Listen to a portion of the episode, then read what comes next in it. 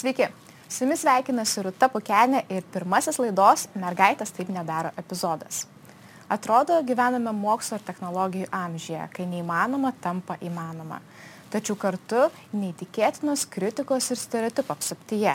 Ką kiti pasakys, nebobų reikalas, mergaitės taip nedaro. Tai tik kelios frazės, su kuriomis vis susidurime. Nenastabu, kad pradėję kažką naujo sustingstame, steptelime ir imame dvėjoti. Metas nuo to išsivaduoti. Pakvietėme moteris, dirbančias teks rytyje, pasidalinti savo asmeninėmis istorijomis ir patirtimis, kaip atrasti sėkmingą ir kasdieną džiuginantį karjeros kelią. Šiandien kartu su mumis Inga Vaičiakuskaitė Lukošė. Per metus jis sugebėjo savarankiškai išmokti programuoti, persikvalifikuoti ir susirasti darbą iki tol visiškai naujoje srityje. Inga sako, kad tam, kad taptų programuotoju, tikrai neturi turėti išskirtinio intelekto o pradėti gali ir tuomet, kai tau daugiau nei 30. Sveika, Inga. Labas. Žvelgiant į tavo gyvenimo aprašymą, atrodo, kad tu labai sąmoningai sėki karjeros diplomatinėje srityje. Politikos mokslų bakalauras, tarptautinių santykių magistras, darbas ministerijoje, stažuotės į užsienį, bet į tave dabar kreipiuosi kaip į programuotoją. Kas čia nutiko? krizė tikriausiai gyvenime. E, na taip, taip ir atrodytų, kad aš e, labai tikslingai siekiau to savo karjeros diplomatiniai tarnyboje ir aš dirbau ministerijoje keletą metų, laukiau konkurso, ruošiausi tam konkursui, mokiausi užsienio kalbų ir, ir buvo mano toks tikslas, kurio aš siekiau ir aš jį pasiekiau ir tada tokia tuštuma tarsi atsiveria ir pagalvojau, ar aš noriu tą toliau daryti, tą darbą dar dešimt metų. Valstybės tarnyboje yra tam tikrų niuansų, taip pat diplomatiniai tarnyboje yra toks niuansas, kad reikia važiuoti į užsienį kas trejus metus, trejiem metam dirbti. Ir moteriams, kurios visgi ateityje planuoja šeimą, tai galbūt nėra pati palankiausia karjera, kadangi nėra tiek daug tų vyrų, kurie nori su moterim išvažiuoti, mesti savo karjerą ir galbūt ten užsienį auginti, tarkim, vaikus. Uh, tai mano ir mano tuometinio draugo atveju aš supratau, kad tai tokia mano karjera mums nelabai veiks. Ir todėl pradėjau galvoti, ką aš, ką aš kito galėčiau daryti gyvenime. Uh, ir sugalvojau su tuometinio draugo, dabartinio vyro pagalba, kad galbūt reikėtų pamėginti programuoti, kadangi, na, buvau girdėjus, kad tai yra gera karjera, bet uh, daugiau apie ją taip labai nežinojau, tai tiesiog reikėjo pamėginti. Bet žinau, kad mokykloje tu nemėgai matematikos. Gal gali prisiminti savo vaikystę ir paauglystę, kokia buvo ta tavo svajonių profesija? Neturėjau aš tokios svajonių profesijos, o matematikos iš tikrųjų aš nemėgau ir man buvo vienas tokių sudėtingiausių dalykų mokykloje, nors turėjau puikią mokytoją, bet dar labai ilgai baigusi mokyklą sapnuodavau tokius nemalonius sapnus būtent apie matematikos pamokas, nes nu, prie matematikos iš tikrųjų man tekdavo daugiausia dirbti mokykloje o kažkaip tokios profesinės svajonės neturėjau, nežinau, galbūt e, trūko ir tokio kaip padrasinimo iš tėvų, svajoti ambicingiau. Tai tiesiog gavosi taip, kad e, pati nustebau, kaip gerai aš baigiau tą mokyklą ir egzaminus išlaikiau ir stojau į tuo metu tokią patrauklę instituciją ir įstojau ir tiesiog galbūt taip labiau atsidūriau tame tarptautinių santykių ir politikos e, keli o šiaip tokios kaip svajonių karjeros neturėjau. O papasakok savo kelią į programavimą. Žinau, kad mokysi savarankiškai. Nuo ko pradėti, kokius mokymosi šaltinius pasirinkti? Na, tas kelias į programavimą dabar žvelgiant, na, jis gali būti įvairus. Jeigu, tarkim, jau baigiam, žmogus yra baigęs universitetą ir nenorėtų dar kartą grįžti į universitetą ir studijuoti visiškai naujo dalyko, tai galima eiti, lankyti tam tikras mokyklas, kuriuose mokoma programavimo. Gyvai, na dabar tikriausiai atstumu, bet šiaip tai gyvai vyksta pamokos. Galima mokytis virtualiuose mokyklose ir nebūtinai lietuviškose, arba galima tiesiog savarankiškai mokytis, ieškotis pačiam kursų, įrašų, skaityti internete. Tai šitą kelią aš pasirinkau. tiesiog pradėjau nuo pačio paties elementariausio tokio šaltinio, kuris iš tikrųjų skirtas labiau mokiniam, mo, mo, besimokantiem mokykloje, nes pagalvojau, jeigu aš noriu kažką pamėginti suprasti apie programavimą, tai man reikia tikrai eiti tą tokį labai paprastą lygį ir pabandyti ten. Ir iš tikrųjų tai man labai padėjo, na, užsikabinti už to programavimo, nes ten neišgazina manęs per daug. Ir tuomet nuo to, baigusi ten keletą kursų, pradėjau jau ieškoti kažko sudėtingesnio, kažko, kas jau tiktų man, na, persikvalifikavimui. Ir kas tai buvo, kokie buvo tolesni tavo žingsniai po tų nemokamų kursų? Na, iš esmės tai tokios paieškos tų kursų internetinių, kurie atitiktų mano lygį ir mano kryptį. A, tai naudojau iš tikrųjų keletą platformų mokymosi, a, Udemy mano tokia viena mėgstamiausių platformų, kurią aš iki šiol naudoju ir dabar šiuo metu iš tikrųjų mokausi joje, nes ruošiuosi po pertraukos grįžti į darbą ir, ir esu šiek tiek na, atsilikusi šitoj e, savo programavimo kalboje, tai noriu tiesiog pasimokyti. Uh, toliau naudojau nemokamus resursus, pavyzdžiui, YouTube, e, tikrai labai daug ten galima rasti. Ir, na, ir dar ten keletą tokių resursų, kuriuos atsitiktinai radau. Bet e, iš tikrųjų, ką norėčiau pabrėžti, kas irgi norėtų eiti šito keliu, labai svarbu tarsi, na, nepasiklysti tų resursų gausoje, nes iš tikrųjų yra daug tų resursų, nebūtinai ten pirkti kažką brangiausio ir nebūtinai tai bus geriausias resursas, galima tiesiog naudoti ir, ir nemokamus šaltinius, e, bet labai svarbu laikytis tos savo krypties. Tarkim, jeigu jau žmogus apsisprendė mokytis kažkokios konkrečios e, programavimo kalbos, tai aš e, siūlyčiau nebesimėtit ir rinktis kursus, kurie būtent skirti va, tai programavimo kalbai ar sričiai ir, ir gilinti, nes tikrai esu daug girdėjus istorijų, kaip E, pasiima vieną kursą, na, tai galbūt nelabai tas kursas geras, tada šoka į kitą, jau truputį kitas rytis ir taip gaunasi, mokiausi daug apie viską, bet nieko giliai ir nežinau. O jau pirmoji tavo praktika IT įmoniai buvo apmokama. Papasakok mums, ar tiesa tai, ką sako apie darbą IT įmonėse. Solidus atlyginimas, pasakiškos darbo sąlygos, puikus požiūris į savo darbuotoją. Na, negalėčiau su tuo nesutikti. Iš tikrųjų, galbūt e, mes esame tokie, na, labiausiai lepinami specialistai ar vieni iš labiausiai lepinamų, bet čia galbūt uh, nėra išskirtinai su IT sritim susiję, bet apskritai su tokiam pažangesniam įmonėm, startuoliais ir ta kultūra, kuri, kuri ateina su tokiam įmonėm. Tai tarkim mūsų įmonėje dabartinėje, kurioje aš dirbu, tai nėra vien tik programuotojai, yra ir kiti departamentai, kurie irgi gyvena ir dirba tokiam pačiom gerom sąlygom kaip ir mes programuotojai. A, tai iš tikrųjų ir tie ofisai yra moderniai, patogiai įrengti ir šaldytuvai pilni ten užkandžių ir aišku kavos neskaičiuojama, ten ir pietų būna pasiūloma ir na, iš tikrųjų nežinau, gal daugam tai skamba kaip iš kažkokio pasakų darbo, bet, nežinau, sostiniai e, ypač tikrai daug jau tokių yra įmonių įsisteigusių. Na ir nebūtinai tu turi būti programuotojas, kuris galėtų dirbti tokiam gerom sąlygom. O pirmoji praktika buvo irgi vienoje iš IT įmonių.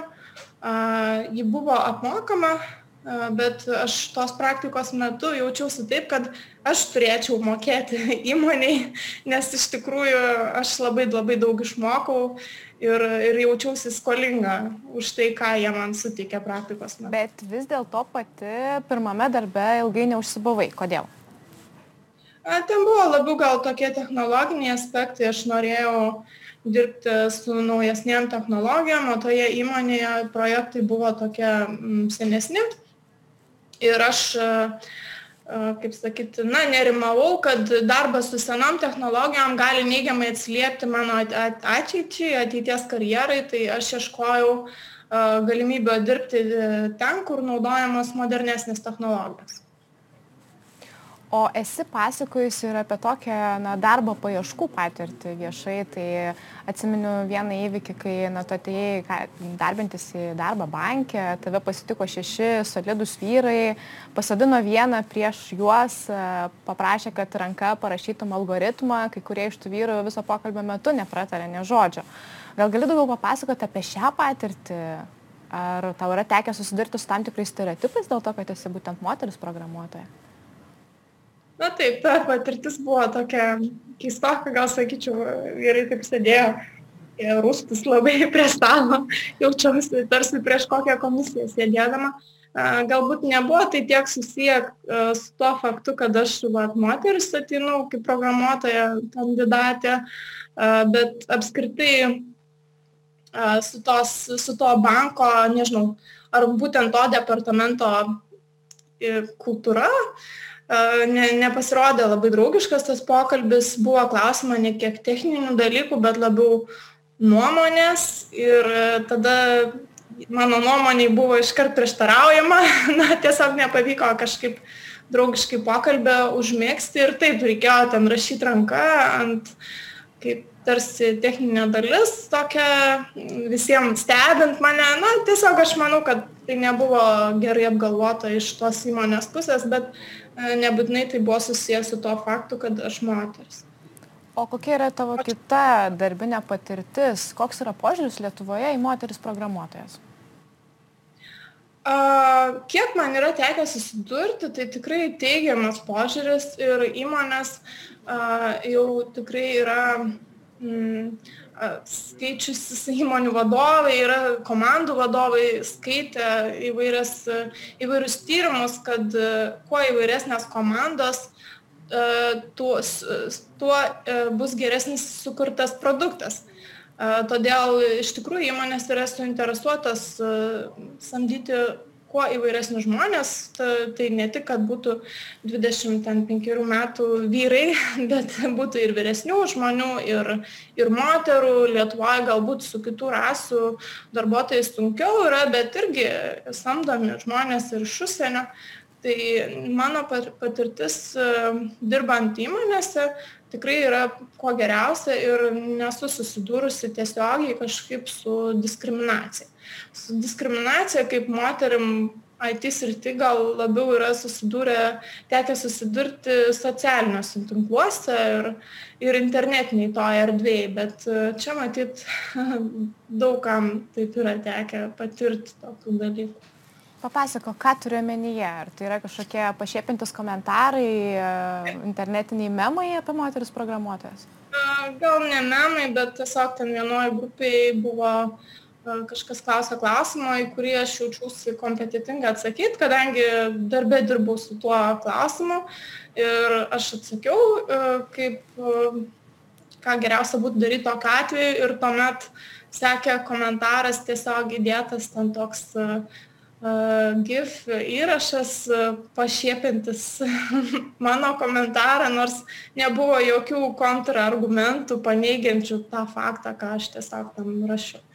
Tai, na, tiesiog tokia patirtis, ypač tose grupėse, kurios nu, nėra kažkaip aktyviai moderuojamos, tai galima su to susidurti o ar tu pati galėtum kažkaip palyginti moteris dirbančias tiek srityje ir vyrus dirbančius tiek srityje ar yra kažkokie skirtumai tam tikri iššūkiai su kuriais jie susiduria skiriasi ar vis dėlto čia nereikėtų lyginti būtent pagal e, lyties e, savybę aš galbūt čia reikėtų klausti jau komandų vadovų, kurie yra daugiau susidūrę su tuo.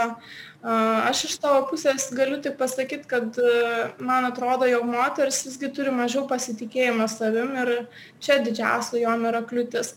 Ir kliūtis prašant didesnio atlygio, bet iš kitos pusės moteris, na, kiek man yra tekę pastebėti, jos labiau linkusios bendradarbiauti ir, ir, ir komandoje jom, na, dažnai, na, čia visumoje kalbant, ne apie atskirus individus, aišku, visai pasitaiko, bet visumoje jos galbūt labiau linkusios komunikuoti, prašyti pagalbos ir bendradarbiauti. Tai šitos, na, tokios tikrai teigiamas savybės, aš manyčiau. O kokiais patarimais tu galėtum pasidalinti su tais, nebūtinai moterimis, galbūt ir vyrais, kurie tik žengia pirmosius žingsnius IT srityje? Ką reikėtų žinoti, ką atkreipti dėmesį? Reikia pasiryšti tikriausiai, kad um, tas mokymasis uh, uh, užima labai daug laiko ir tiesiog būti pasiryžus to laiko skirti. Ir uh, tikrai bus susidurima su daug, na, tokių uh, E, nepasisekimų, kliučių ir tiesiog nemesti, pabandžius, pabandžius ir jeigu nepavyksta, kas labai dažnai būna ir patyrusiam netgi programuotojam, tai tiesiog nemesti ir, ir toliau mokytis. Tai, tai, kaip aš sakau, e, programavimas na, nereikalauja kažkokio išskirtinio intelekto tikrai nereikia būti ten genijum, reikia tiesiog daug ir sunkiai dirbti ir, ir, ir tikrai pavyks na, visiems, kas gebėjo baigti mokyklą. O yra kažkokie tipsai, kuriuos siūlytum atkreipti dėmesį, pavyzdžiui, ryšiai, praktikos vieta, LinkedIn? A, taip, žinoma, LinkedIn, tai ypač tiem pradedantiesiam yra labai labai svarbi tokia kaip platforma, a, per kurią galima gauti E, darbo pasiūlymų. Tai LinkedIn turi būti profilis labai gerai nušlifuotas, kaip aš sakau, labai gerai ir aiškiai aprašytas, e, tikslai. Aišku, tos patirties e, IT srity daug neturint, tai tiesiog galima aprašyti plačiau, kokias technologijas jau tu žinai, su kuom jau teko padirbėti, aprašyti kažkokius projektus truputėlį asmeninius. E, taip pat e, labai rekomenduoju e, susikurti profilį, čia jau programavimo srity išskirtinai naudojamas GitHub platformoje, kur galima patalpinti savo projektus ir irgi juos labai svarbu aiškiai aprašyti, aiškiai ir tvarkingai pateikti. Neturi jų būti daug, gali būti tiesiog trys keturi projektai bet jie turi būt labai labai e, gerai ir aiškiai aprašyti ir veikiantys be abejo Prisijungusi prie um, Lietuvos IT bendruomenės, pradėjai aktyviai na, kovoti ir už moterų teisės e, toje tekstirtyje, prisijungiai prie Vilnius Gilskaus judėjimo, važiavai į mažesnius miestus. Uh, ką ten pamatai? Koks yra, pavyzdžiui, mažesniuose miestuose požiūris į moteris programuotojas, kaip jūs ten reaguoja gyvenančios mergaitės? Na, tai teko nuvažiuoti į porą miestų, tai gal ne kiek kovoti, prisijungiau prie judėjimo, kiek, ne kiek kovoti už moterų ten teisės, bet tiesiog padėti ir padrasinti kitas merginas, moteris, e, nebijoti ir žengti į tą IT spritį. Tai e, man teko lankytis Klaipadoje ir Molėtose. Na ir e, tuo metu bent jau klaipėdoj čia prieš gal trejus metus teko lankytis ta it bendruomenė iš tikrųjų yra maža ir ir jie susiduria su tam tikrais iššūkiais jog tų darbo vietų nėra labai daug būtent klaipėdoje.